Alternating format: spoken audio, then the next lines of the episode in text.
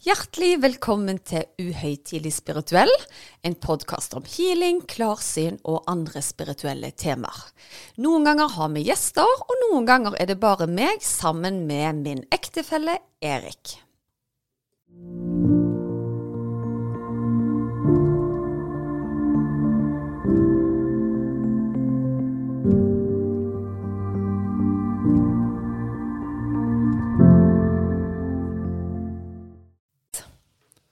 Ja, Susanne, da er vi i gang igjen. Det er vi, og i dag er det et veldig romantisk tema vi skal ta for oss. ja. ja, for det at uh, Jeg husker for vel et år siden så hadde vi et, uh, en episode, episode 11, som het 'Sjelevenn og tvillingflamme'. Ja, og den fikk vi ganske mye respons på, altså. For det var mange der ute da som lurte på om de var sammen med sin tvillingflamme.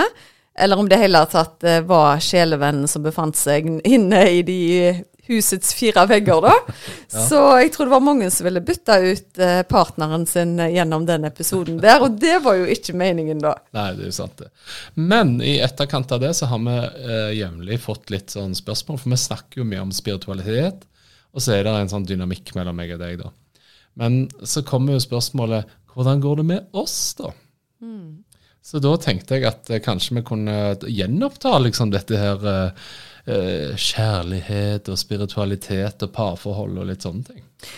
Ja, vet du hva, jeg tror det kan være veldig fint å få dine perspektiver der òg. For en av de grunnene til at jeg vil snakke om dette temaet i dag òg, er for det første fordi veldig mange spør oss om at vi kan komme med noen tips til hvordan andre kan få mer dynamikk i forholdet sitt, uten at meg og deg er noen samlivsterapeuter. Men så opplever jeg òg at veldig mange er fortvila over at de har en tro som partneren ikke tar del i, da. Og at de føler at de må legge lokk på den, for de blir gjerne latterliggjort. Mm. Eh, og det er jo derfor vi har lagd denne podkasten nå, er det at det skal bli mye mer synlig at veldig mange tror på at det er noe større der ute. Og at det skal være enklere å ta det opp på hjemmebane, da. Ja. Og jeg tror faktisk du er en av de som har vært litt banebrytende der, fordi det ryktes nå at det er lettere å snakke om spiritualitet på jobb og med venner etter at de har lytta til podkasten. Så folk går rundt og sier at han Erik Askvig, han er så åpen og grei. Ja, men jeg, jeg, tror det er fordi at mange kjenner seg igjen i deg, da. Fordi at du er i utgangspunktet For det første er du en mann, eh, men du er òg akademiker. Eh, og så er du en likende person som på tross av at du gjerne ikke har opplevd så utrolig mye spirituelt tidligere i ditt liv, så er du åpen og nysgjerrig. Ja. Og jeg tror det er det som gjør at eh, folk blir inspirert da, til å kunne ta samtalen hjemme. Men jeg får jo veldig ofte den tilbakemeldingen da at ja, men det er jo så enkelt for deg fordi du har Erik. Men det var jo ikke sånn at du var i åpen bok den dagen jeg møtte deg. Nei, det er sant, det. Kan du fortelle litt om hva, hva forandra seg fra den Erik som møtte meg når du var i 20-årene, til i dag? Ja, altså jeg var jo veldig ukjent med det spirituelle, da. Så for min del så var jo ikke det liksom noe jeg fikk så tett på alltid. Det var noe andre gjerne gjorde. Uh, og jeg hadde gjerne hørt litt sånn uh, ja, langt vekke om folk som hadde drevet med sånne uh, Woojie-boards eller uh, noe sånt. Men, uh, og gjerne at du hadde blitt spådd. Men mer enn det var ikke jeg liksom på så du, så du, visste egentlig ikke hva spiritualitet var, egentlig, eller? Nei, altså Ja, nei, det er sant, det. Du tenkte at uh, spiritualitet, det er å gå til lugubre spåkoner. Ja, på et kjøpesenter eller et eller annet sånt. Ja. Men, men, det har jo forandra seg for min del òg, fordi jeg heller snakk, altså, Jeg kom jo fra en familie som var veldig åpne, men vi hadde ikke et ord som omhandla spiritualitet hjemme. Ja. Så det var et ord som kom til meg etter hvert. Jeg kan egentlig ikke huske første gangen jeg hørte ordet spiritualitet, men det var vel en måte jeg definerte meg sjøl på etter hvert, da. Ja.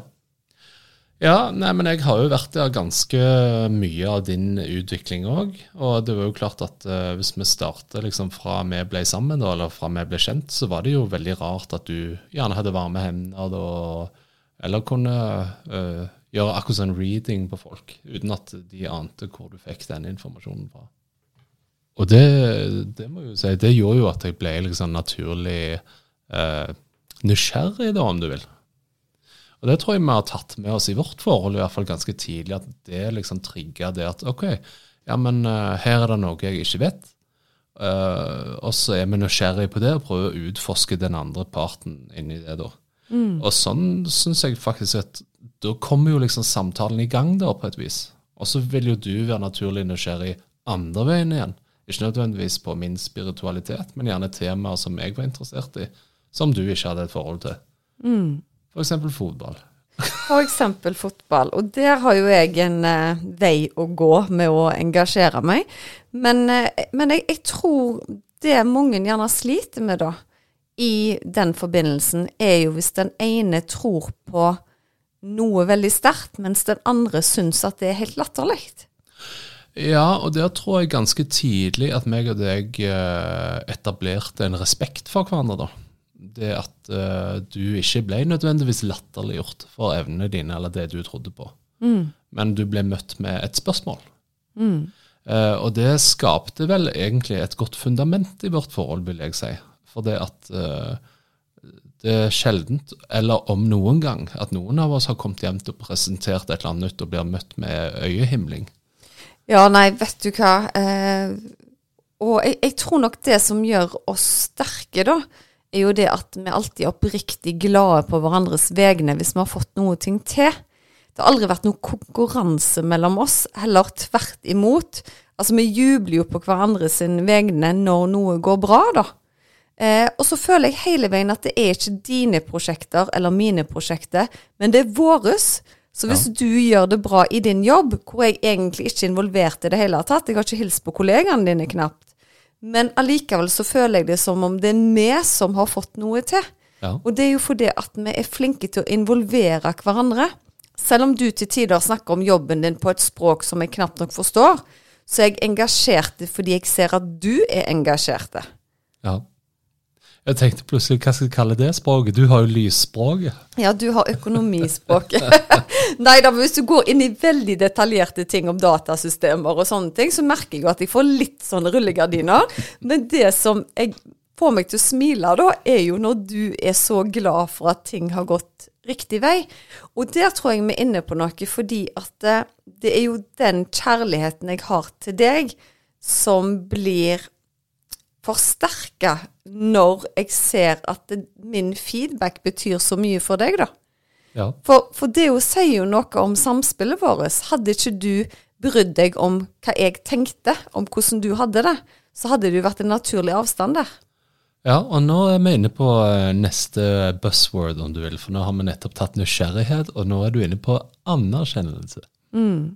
Og det er du veldig flink på. Ikke jeg så mye. Men jeg, jeg, Kan du gi noen eksempler hvor jeg er flink på anerkjennelse? For eksempel uh, 'Å, så fin du var i dag'. Mm. Uh, og jeg sier da Speil. ja, nei, vet du hva, Erik. Jeg bare lærte deg at jeg må gå ut forbi dørene. Jeg kan gå til postkassen jeg, og få mer komplimenter enn hvis jeg er inne i, eh, inne i huset med deg. Men du er veldig flink til å vise at du syns jeg er flott. da. Ja, så Når du kommer tilbake fra postkassen, så er det ryddig kjøkken? ja. Nei, men du er veldig flink med å vise at du syns jeg er flott på, på, andre måter. da. Du er veldig flink bl.a. å gi meg klemmer og sånt nå. Mm. Og det har vært en sånn progresjon etter hvert. fordi i starten så tror jeg du kunne håndhilst på, på meg eh, i, i, forholdet. Fordi du var ikke vant med å være i et forhold, liksom. Så det har jo kommet seg eh, voldsomt. Men anerkjennelse er jo begge veier. Altså, du er veldig flink å, å rose de tingene du syns jeg gjør bra, da. Ja. Du legger veldig merke til hvis f.eks. jeg har gjort noe her hjemme. Da er det ikke sånn at du legger merke til det og tar det som en selvfølge. Du kommenterer at 'oi, jeg så du hadde gjort det og det'. Så det tror jeg vi begge er ganske flinke på. Ja. Nei, altså tenker jeg òg at det leder oss jo egentlig til neste greien. da, Det er jo at når du da er nysgjerrig og du får anerkjennelse for det du gjør, så prøver du jo å utforske nye ting. Eh, og litt sånn så, Nå har ikke du vært så veldig aktiv på fotballfronten, men vi har jo diskutert dette her med trening bl.a. tidligere i poden, at du begynte med det, og jeg følte meg gjerne utenfor. For du hadde en utvikling innenfor et eller annet. Mm. Og da kan du jo velge, da. OK, Skal du la det skape en avstand i forholdet, eller skal du la det eh, bli en del, eller et samtaleemne begge to kan ha? Da trente vi jo på hver vår kant, men allikevel så var det å ja, begge har trent. Ja, og det tror jeg er veldig viktig at vi kan snakke litt mer om overfor dere som hører på. Det er fordi at eh, jeg opplevde jo ikke på det som en avstand mellom meg og deg, men jeg var jo bare engasjert med treningen, men du gjorde det. Og da var det på et tidspunkt du sa til meg at jeg begynner å kjenne på en avstand fordi dette tar mer og mer plass i ditt liv, da. Ja, men prøv å smake på denne her. Du eh, går ut og trener, eller la oss snu på det. Jeg går ut og trener hver dag om du vil. Ja. Og så ligger du hjemme på sofaen med en pose chips og cola. Hvem tror du føler seg bra oppi der?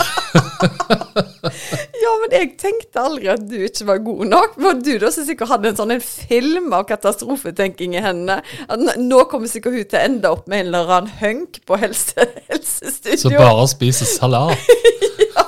Og det er guri, det hadde vært kjedelig der, jeg. Vet du hva, det skulle mer til enn en hunk på, eh, på helsestudio for å bytte ut deg, altså. Men hele poenget her var jo det at eh, du i den perioden følte på en frykt, da. Av at her begynner det å bli en avstand.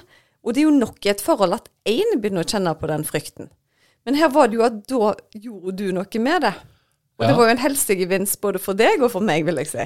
Jo da, men det første vi gjorde, var jo å prate om det. Mm. Uh, og det er jo ikke alle som gjør. Nei, nei, nei. De aller fleste bare stikker jo hodet i sanden, og så later vi som ingenting, og så blir avstanden større og større. Ja, jeg kunne jo stått og snøfta til deg med oppvaskkosten i hånden når du kom hjem. Hva er det for noe? Nei, det er ingenting. Det er ingenting. Hadde du det gøy på trening? Ja. Ja. ja nei, men, Nei, men, men og nå må jo sant sies at dette gikk over en lang periode med mer og mer trening for meg, så jeg skjønner jo at det kan være kjempeirriterende når du gjerne ikke hadde overskudd eller lyst i det hele tatt eh, til å, å trene, da. ja. Men hvis du da har lagt merke til det, så i det siste så har jeg gjort noe som jeg ikke er så veldig glad i for din del. Og det jeg har til og med vært med deg på vinsmaking. ja. Og det er kun fordi jeg er så glad i deg. Fordi jeg liker jo egentlig ikke vin. Men jeg prøver å like det fordi at jeg ser at du blir så glad når jeg er med deg og smaker litt på vin. ja. Og så er jo faktum at jeg liker deg når du har drukket vin òg. Jeg blir mye festligere når jeg drikker vin. Nei, men jeg har alltid vært glad i bobler, men sånn rødvin og sitte og nippe til det en eh, fredagskveld, det er ikke jeg så glad i. Men det vi har begynt å gjøre da, er at du heller gjerne alt oppi vin til meg, og så tar jeg liksom en slurk og to, som at vi liksom deler en flaske vin. Og da er jeg på en måte med på det, selv om at det ikke går så mye vin, da. Ja, og jeg får bedre samvittighet fordi at jeg har jo ikke drukket en hel flaske vin. ja, det, det er helt sant, altså. Nei, men, men jeg tror mye av dette her går jo på å møte der den andre trives, da. Eh, om det er at du går med mannen din på fotballkamp, eller om du vil ta et glass vin med dem, det har ingenting å si. Jeg valgte vin fremfor fotball, fordi jeg har aldri vært interessert i fotball. Men nå er jo meg og deg et sånn par som egentlig kan snakke om alt uansett hvor vi er, da. Så vi trenger verken vin eller fotball for å få samtalene til å flyte, da. Nei, men det krevde jo òg øving. Altså, Det var jo en stund lenge før podden at vi prøvde liksom å si ok, ja, men kan vi få til liksom den gode samtalen vi hadde i starten av forholdet? Ja. Og det tror jeg var i en periode hvor, når, spesielt når ungene var veldig små, og du sprang liksom fra det ene til det andre, det var jo ikke rom for å ha en samtale i det hele tatt, fordi at du, du sjonglerte unger, da. Ja, Nei, det var jo liksom når ungene var lagt og klokken var syv, og, og du egentlig bare hadde lyst til å slukne foran TV-en, så begynte du å stille store spørsmål. ja, da skulle vi ha svar på livets store mysterier. Men det er det jo ei dame som da har eh, stilt oss et spørsmål på Instagram om hvordan klarte dere å balansere dette med spirituell utvikling og småbarnstida, og allikevel stå så stødig som det vi gjør i dag, da. Ja. Jeg må si det første som slo meg, det var tid. Altså skape seg sjøl tid. Og eh, veldig mange sier å ja, vi, vi skal på date, og da må du ha barnevakt og, og ditt og datt. Så blir det aldri, liksom. Nei. Og det trenger ikke være så omstendelig. Det kan være at uh, barnet har en playdate to timer, og så får du faktisk uh, sprunget ut og handla uten at barnet river og sliter i handlevognen. Uh, det var jo en veldig patetisk date for øvrig, men at du går ut og spiser i samme slengen òg, da.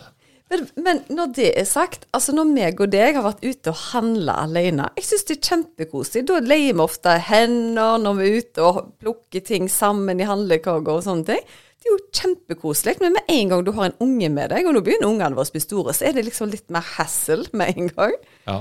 Nei, så hvis noen ser et eh, svært harmonisk par danse rundt tomatene i dagligvaren, så er det oss.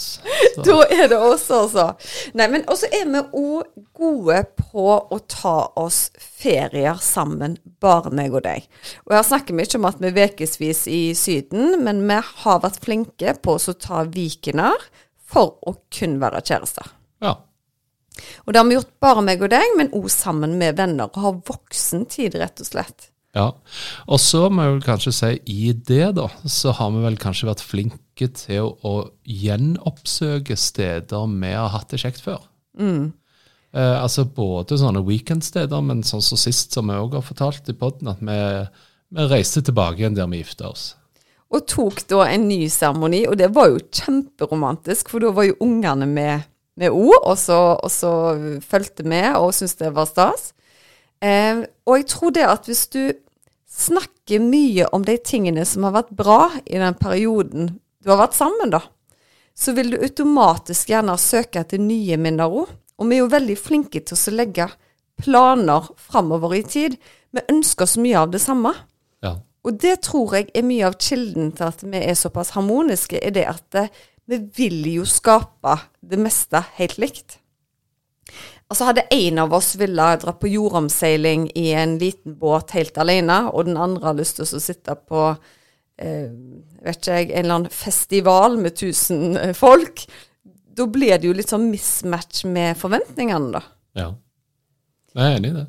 Nei, og, og, de prosjektene du snakker om da, det er jo liksom felles prosjekter som gjerne tar litt tid. Enten om det er hus eller hytte eller pusse opp et rom eller eh, planlegge ferie så blir det jo en felles greie, da. Mm. Men meg og det kan ofte være kjempeirriterte på hverandre hvis vi f.eks. skal pusse opp et kontor. For da har vi i utgangspunktet har vi blitt enige om at ja, nå skal vi få det til å bli et fint, funksjonelt kontor.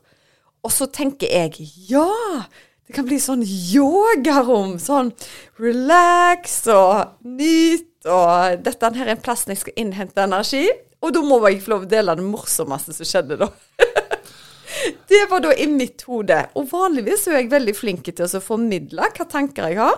Men det var akkurat som jeg tenkte det var en selvfølge, for nå skulle jeg holde mer kurs hjemme. Og da tenkte jeg at Erik, som vet alt, han vet jo hva jeg har tenkt. Selvfølgelig. Ja. Så vi fikk da en profesjonell maler til å komme Profesjonell. En profesjonell maler, det var ikke oss. Og en som skulle eh, putte på tapet på veggen, holdt jeg på å si. Så kom han hjem til oss med noen ideer, men så måtte jeg i et møte. Så det møtet med han tok du. Og jeg kommer hjem, og så møter du meg i gangen. Kjempeentusiastiske. Og jeg vet bare Å, herlighet! Ja, sett deg ned. Dette må du høre. Altså, se for deg nå. Dempa svart vegg. Dempa svarte møbler. Svarte gardiner. Og jeg tenkte bare Seriøst? Dette er jo ei gamingbule du har fått designa. Og du ble så dødelig fornærma, for ingen hadde jo spurt hva du ønska av dette rommet. Og da måtte jo jeg gå i meg sjøl. Og ja, herlighet, jeg har jo faktisk ikke gått den veien, for jeg trodde at vi hadde liksom sett for oss det samme. Men det er vel en av de få gangene jeg har kjent at her er vi jo milevis ifra hverandre hva vi ville. Og når jeg da spurte deg om har du tenkt at dette skulle være gamingbule, og du bare Nei, nei, det hadde du aldri tenkt. Men du måtte jo få ha en innsigelse på dette rommet. Og så sa jeg men vet du hva, da skal jeg høre med han maleren. Så jeg komprimerte en mail og sa at OK, du mener du at dempa sort det vil egne seg bra for eh, kursvirksomhet innenfor healing, blant annet. Og så fikk jeg det bare tilbake. Nei, dette var ment som en, et gamingrom. Så vi brukte fryktelig mye tid på dette her oppussingsgreiene. Hele konseptet var ja, Ja, men det som det endte med, da, var at du sa 'gjør det som du vil'. Og så kunne jeg vært ei veldig god kone og sagt 'nei da, vi tar det sånn som du vil, kjære'. Og da sa jeg bare 'OK'. ja. Det er greit. Vi gjør det som jeg vil, men jeg lover deg at jeg skal lage det sånn at det blir fint for deg òg. Og hvordan føler du det nå når det er ferdig? Helt uh, greit. Du sa tidligere i dag at du syns det ble kjempefint, og Ja, det er jeg veldig det, glad altså. for. Men tror du sånne diskusjoner har litt med dagsform å gjøre òg?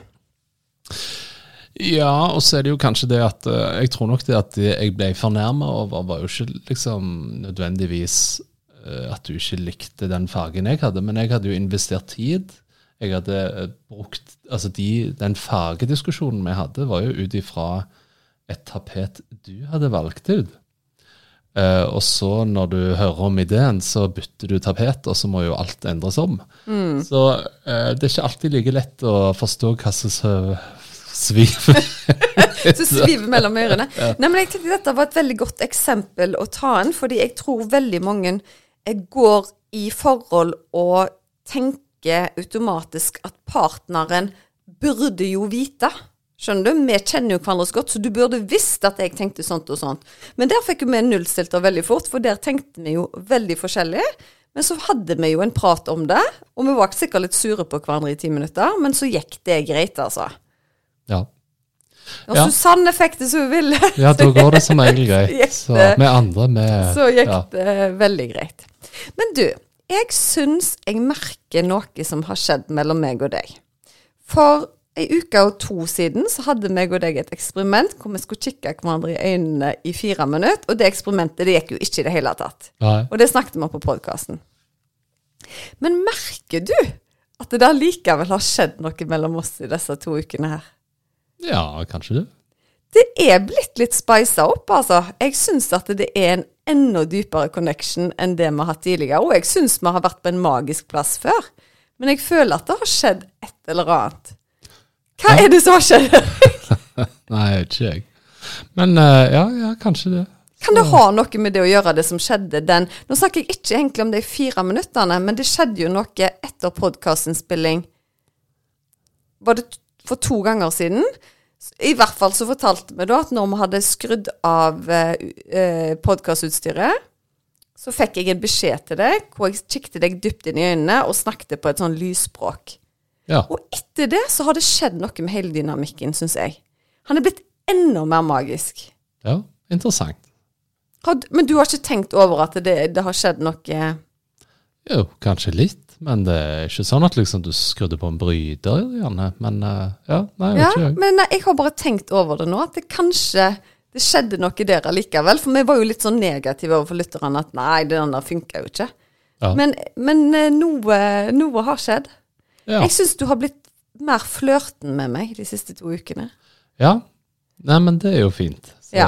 Og da er vi jo inne til dette her med et Altså dynamikk i parforholdet også er jo det at det, du skal jo ikke bare være en god samtalepartner. Det må være litt lidenskap i et forhold òg. Det er sikkert kjempevanskelig når du har masse eh, masse barneskrik, holdt jeg på å si. Når du har små barn, da. ja. Har du noen eh, gode råd i den forbindelse? Bevare lidenskapen eh, når det er små barn. Ja. Nei, det er vel kanskje å legge de tidlig og få ro, altså faktisk få Altså bevare det forholdet da, når det er. Ikke forvent lidenskapen eh, eh, Sånn som jeg hørte noen sa 'Han tar meg ikke på kjøkkenbenken'. Så, ja, ok, det er litt vanskelig når det sitter to unger og grapser med leverpostei der. Det er kanskje ikke det mest sexy momentet i livet når det sitter en toåring og en ettåring og hyler, liksom. Nei. Nei, men det som vi gjorde da, det var jo en la ungene og den andre rydda nede, sånn at når ungene da var lagt, så var på en måte ungene rydda litt vekk fra, fra ja, sinnet og alt. Ja, de var jo der, men du forstår hva jeg mener. Sånn at da kunne på en måte parforholdet begynne. Så da var begge to enige ja, men parforholdet vårt det begynner klokken syv. Ja, det husker jeg. Det var jo helt magisk i den tida å få, få litt alenetid, da. Og så tror jeg òg at eh, vi var flinke til å snakke om hva vi syntes var utfordrende. da. Og det var jo ingen hemmelighet at vår, vår utfordring på den tida der var jo søvn. Vi hadde jo unger som ikke sov. Og det var ikke så veldig behagelig. Og for min del, som var healer og fikk unger på døra annenhver dag og bare knipste på dem, så fikk jeg meldinger og telefoner. 'Å, det er så nydelig hjemme. Ungene mine bare sover etter, etter de var hos deg.' Og sjøl så sleit jeg med søvn så det holdt, altså. Ja. Men det er jo sånn never ending story in my life. Knipse på rygger, men sjøl går med vondt i ryggen og, og, og den eh, biten der, da. ja. Nei, det er sant, det. Men, ehm, men jeg vil tilbake igjen litt til dette her med fellesprosjekter. For det som vi gjerne gjorde når vi hadde lagt ungene, vi begynte jo å snakke om kan vi ha et fellesprosjekt. For mye av tiden gikk jo fra syv til hva da, ti-elleve, at vi bare satt og så på TV. Så vi følte kan vi bruke den tiden til noe? Investere i oss, uten at det nødvendigvis er å gå ut på et eller annet. Eh, og det begynte jo da med denne gode samtalen, gjerne, at vi liksom begynte å utforske litt der. Eh, men så leda det oss jo til faktisk podkasten.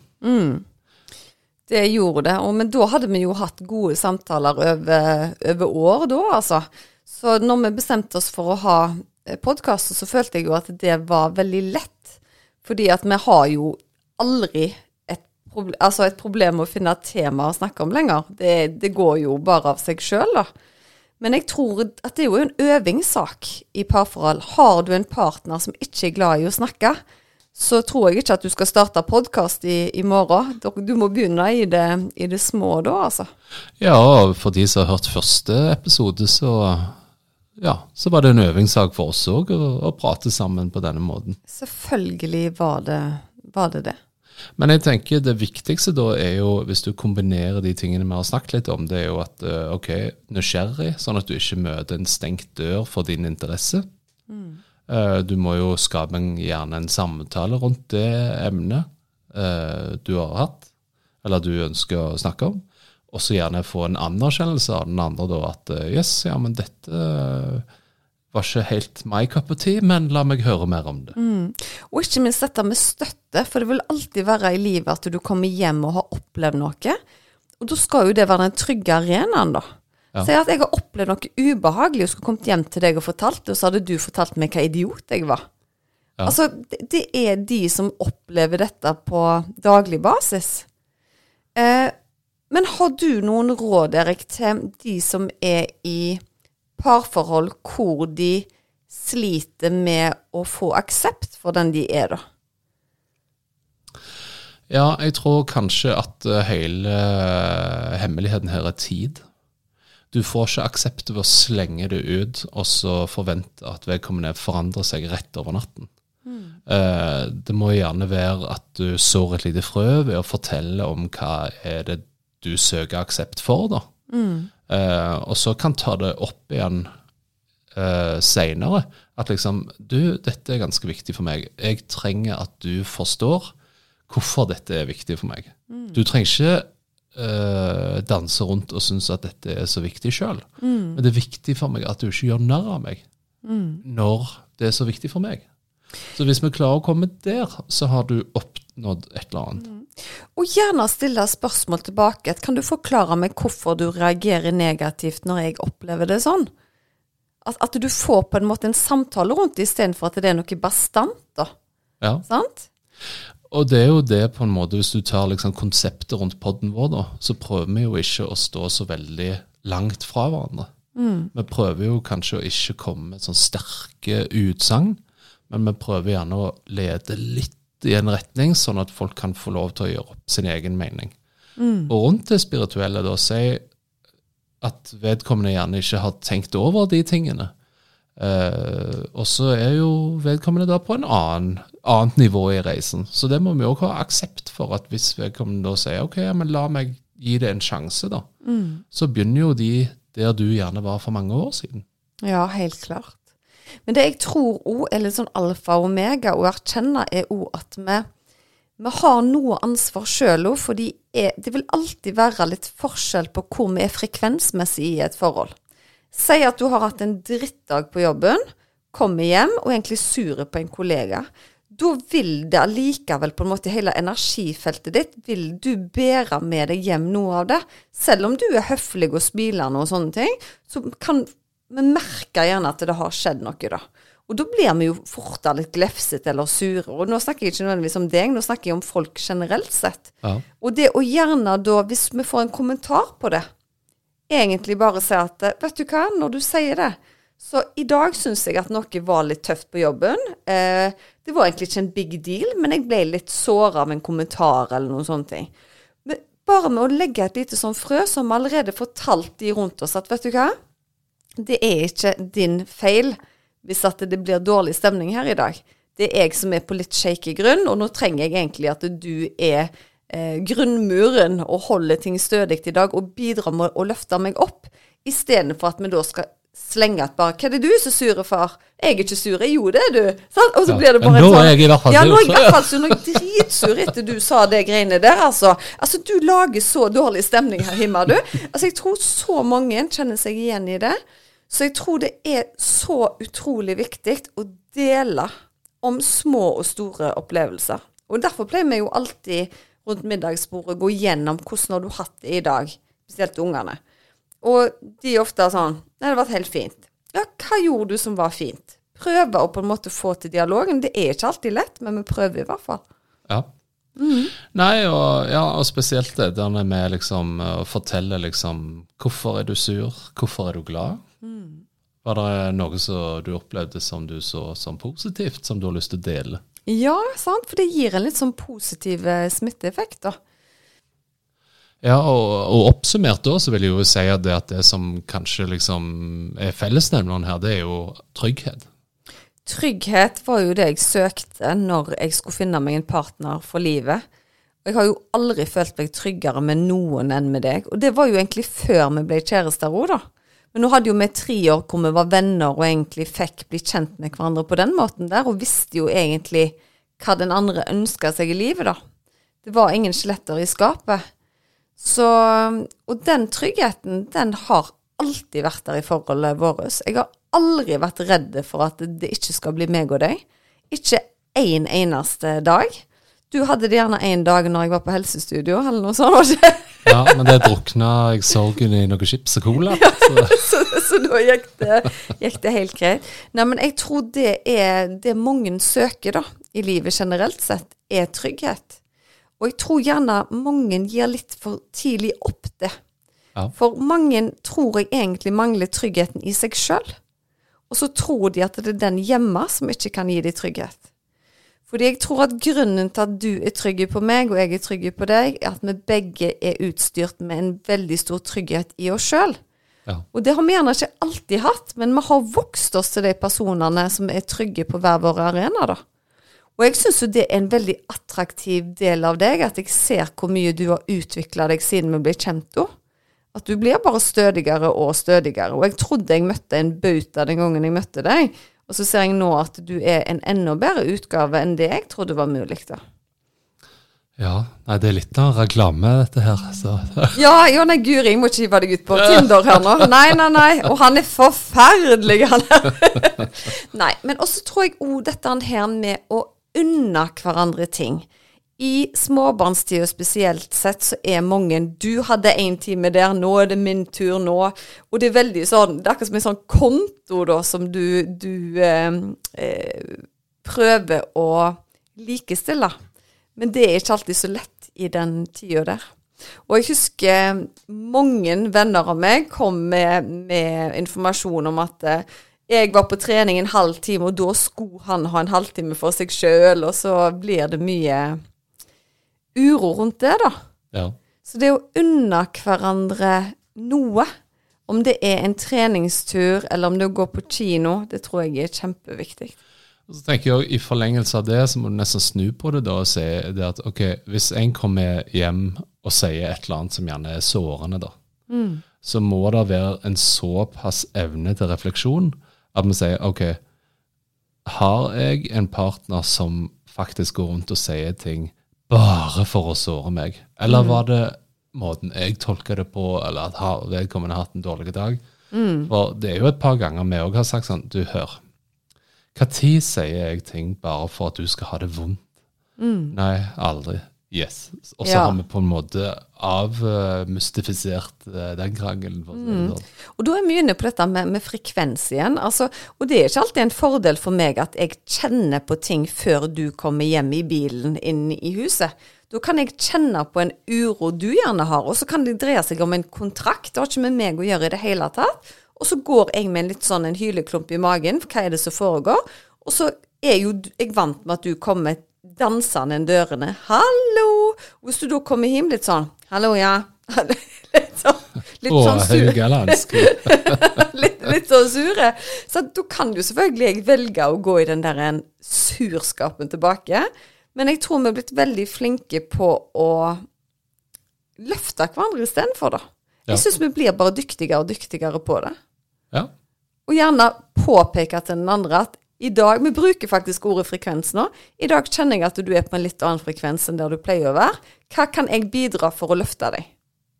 Ja. ja, og med det syns jeg faktisk at uh, vi kan runde litt av. Da har vi, da har vi delt hele vinneroppskriften på vårt Vinneroppskriften. forhold. eh, i Du, skal jeg fortelle deg noe gøy som skjedde i dag? Ja, ok. Eller du, du vet jo egentlig, men jeg har lyst til å dele det med dere som hører på. Ja, nei, men dette er jo sånn typisk. Jeg prøver å runde av, og så fortsetter vi ja, nei, men, ja, ja nei, men dette, dette er litt gøy. Fordi jeg, jeg fikk for meg at jeg skulle filme Evander i dag. Fordi at han sa at han hadde gjort leksene, og så var jeg ikke så sikker på at han hadde gjort det. Så sa jeg kan jeg få det på film, at, at du sier til meg at du, du har gjort det. Og så hadde vi bare litt løye ut ifra det. Så da jeg filmer den, da, så ser vi masse sånne lyskuler som kommer fykende over skjermen. Og det var så mye energi i det bildet, så jeg flytta kameraet fra han midt ut på stuegulvet, og da ser vi sånne lyskuler. Det var helt spesielt. Og det viste jeg jo til deg. Ja. Hva, hva tenker du om det? ja, hva tenker jeg om det? Nå skal jeg anerkjenne at du har uh, filma noe spesielt. Ja. Nei, eh, jeg syns jo det er litt interessant. Eh, Det skjer jo litt av hvert i dette huset på den siden. Um, Uh, jeg er jo sånn som umiddelbart ser aha, er det solen eller et eller annet. Men at uh, når du da holder kameraet helt i ro, og det fyker noe forbi som har en, akkurat som en snøball, så merker jeg òg at eh, ok, dette var jo en ting jeg ikke klarte å forklare. Ja, og det kan jo ikke være støv, eller det kan jo ikke være Nei, og det var jo mørkt inne i stua. Det var veldig spesielt, altså. Ja. Så, eh, så takk for at du anerkjenner, og Ja. at du, på tross av For det, du så jo på videoen, du sa ja, nei, det kan jo ikke være det, og du tok jo den der eh, Hva dette? Eh, elimineringsmetoden. Ja, ja, men, men vi kom jo fram til at eh, her har vi rett og slett fanga opp energi på, på video. Og det skjer jo vanvittig mye gøy spirituelt sett rundt meg for tida, altså. Det er jo en fest å være Susanne om dagen. Og jeg elsker jobben min. Er nå det skapt ditt drømmeliv. Det er jo engasjementet så vanvittig at eh, jeg bobler jo over av glede og kraft. Og jeg føler meg så glad fordi den smitteeffekten på andre gjør at jeg sjøl får mer energi, da. ja. Så kjekt. Ja, det er helt fantastisk. Så eh, du er med på å bidra til at jeg blir en bedre person, fordi du er så støttende og lar meg til og med pusse opp hjemmekontoret sånn som jeg vil ha det, for at jeg skal stråle på kurs. Veldig bra. ja. Nei, men da har vi jo eh, fått glede av å hjelpe hverandre. da. Det har vi virkelig, altså. Så håper vi at dette kan være noen tips til at du der hjemme kan få en bedre samtale med partneren din, og gjerne om spirituelle tema. Be de lytte til podden, så kanskje dere kan begynne å diskutere det litt sammen på kvelden. Ja. Og med det så tenker jeg vi runder av. Helt i orden, Erik. Tusen takk for at du òg hørte på. Eh, Vi håper at du er litt mer opplyst denne gang på forholdsfronten. Og neste uke kommer det en kjempespennende episode. Ha det. Ha det!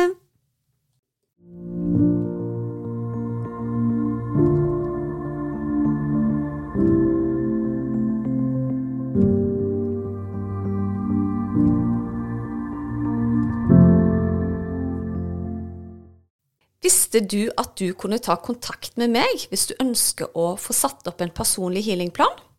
Da er det bare å kontakte meg via Instagram eller på e-post, så gjør jeg det helt kostnadsfritt. Da er det mye lettere å vite hvilken healing du skal velge, til hva tid du skal bruke den, og for hvor mange uker du bør benytte deg av dem. Gå inn på healersusanne.com.